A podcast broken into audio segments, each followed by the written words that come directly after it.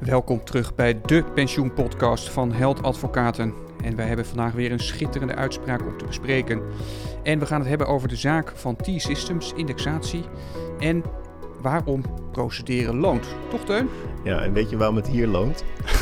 ik heb het donkerbruine vermoeden dat deze 13 gepensioneerden... Nee, we hadden toch afgesproken om nog niet meer donkerbruine vermoedens te doen, hè?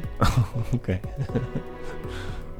ik heb het lichtend vermoeden Ja. Dat deze 13 gepensioneerden, die dus aan het eh, klagen waren over een indexatie, Ja? ehm, eigenlijk ongelijk hebben gekregen. Maar als bijvangst tijdens die procedure opeens erachter kwamen dat het niet helemaal lekker was gegaan. Op een ander punt. En daar dan toch deels dan weer wel gelijk hebben gemaakt. Ja. Dus procederen loont. Ja. Ja, eh, prachtige boodschap voor een advocatenkantoor. Maar je zit natuurlijk wel een verhaal aan vast. Nee, je zit er verhaal achter. En het gaat over ehm, 13 gepensioneerden. En ehm, eh, die werken, werkte bij T-Systems. Die Mhm, had een ja. verzekerde regeling bij Nationale Nederlanden. En ehm, dat contract werd overigens door Nationale Nederlanden, dus niet door de werkgever, beëindigd. Ja. Per 1 januari 2001. En dat had gevolgen, eh, en dat zien we ook vaak natuurlijk, ehm, voor de indexatie. Die indexatie ehm, is voorwaardelijk.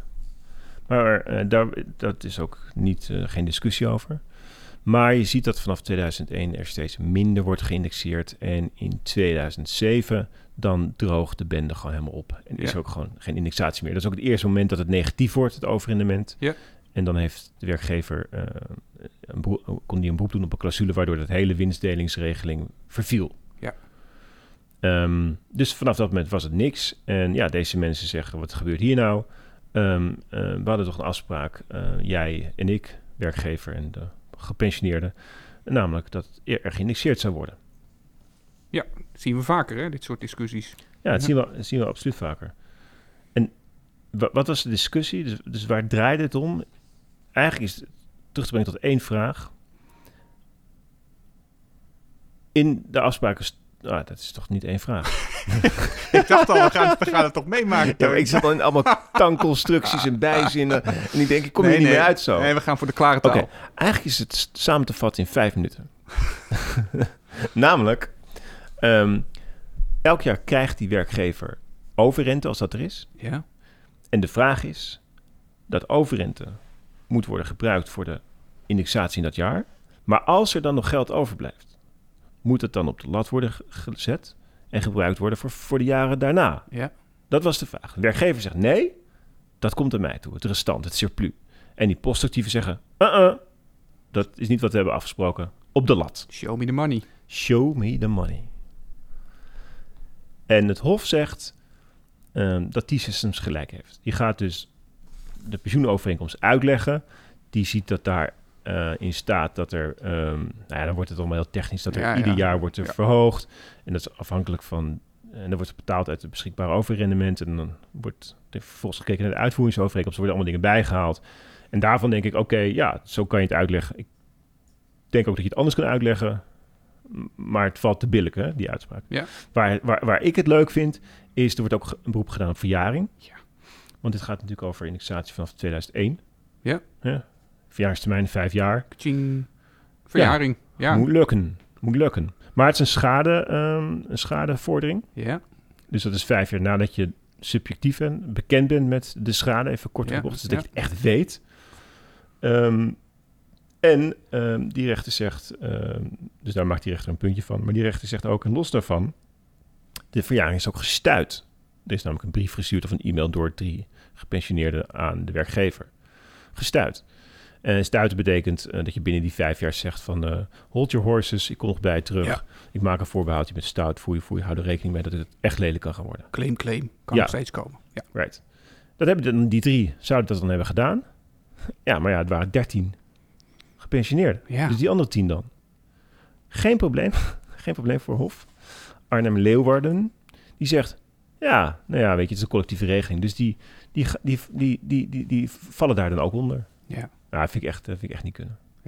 Ik maak dan altijd even mijn eigen voorbehoud. Dat ik het dossier niet gezien heb. Maakt niet uit.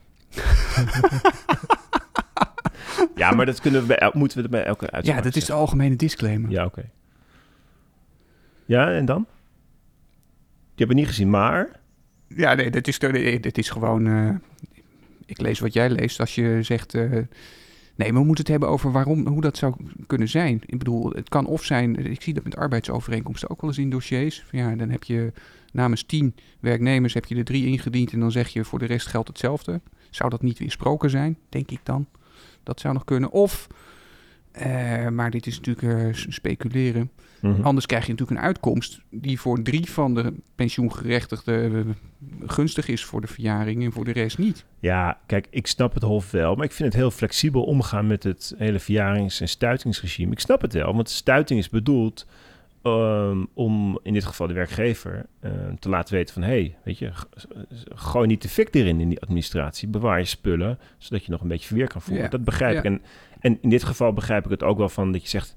weet je, of dat nou Jantje, Pietje, Klaasje, Trudy of Lies- Liesbeth is...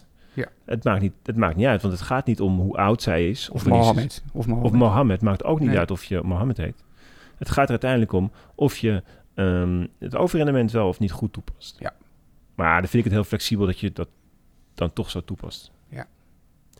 Maar ja, ehm, ik moet het ermee doen. We moeten het ermee doen. Het. was er nog iets anders wat je was eh, Ja. opgevallen? Het wordt, het wordt dus ehm, afgewezen, de vorderingen. Dus Ja. overrendement wordt alleen gebruikt in dat jaar. En de rest, wat overblijft, valt vrij eh, aan, de, aan de werkgever. En zijdelings komt er dus... Dan blijkt dus dat er een, komt er een brief van Nationale Nederlanden... in de procedure, denk ik dan, ik weet het ook niet...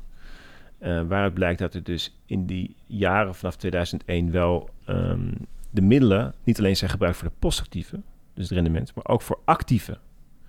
En dat is foei, foei, foei. Dat had niet gemogen.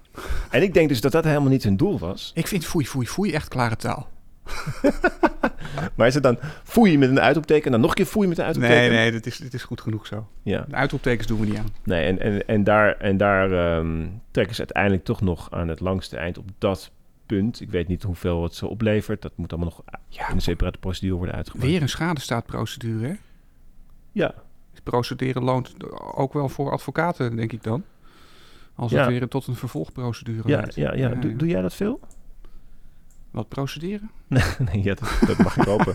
Nee, ik bedoel eh, eh, eh, een schadestaatvraag. Nee, niet, dat gebeurt niet vaak. Wij proberen toch meestal in één keer. eh, Ja. Dat lukt niet altijd. Ik heb, Ja, ik heb er nu eentje lopen.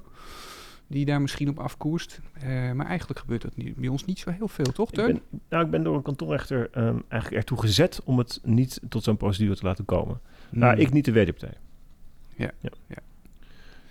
Oké, zijn, we, zijn we rond of was er nog iets anders wat ons was opgevallen in de rechtspraak? Nou, Eh, ik, ik denk dat we toch wel niet eh, ehm, links moeten laten liggen dat, dat er toch ook twee uitspraken in februari zijn geweest die we niet Ja. hebben benoemd, maar wel een beetje interessant zijn. Ja, er was wat, eh, wat, wat persaandacht ook voor natuurlijk die zaak eh, bij de rechtbank Den Haag. Omdat daar eh, door de oudere organisaties eigenlijk werd gezegd dat bij eh, CDC-regelingen, dus dat zijn van die uitkeringsovereenkomsten met een toch een gemaximeerde premie, dat dat in strijd zou zijn met Europees recht. Dan weet je ook gelijk wie die zaak behandeld heeft ongeveer. Mm.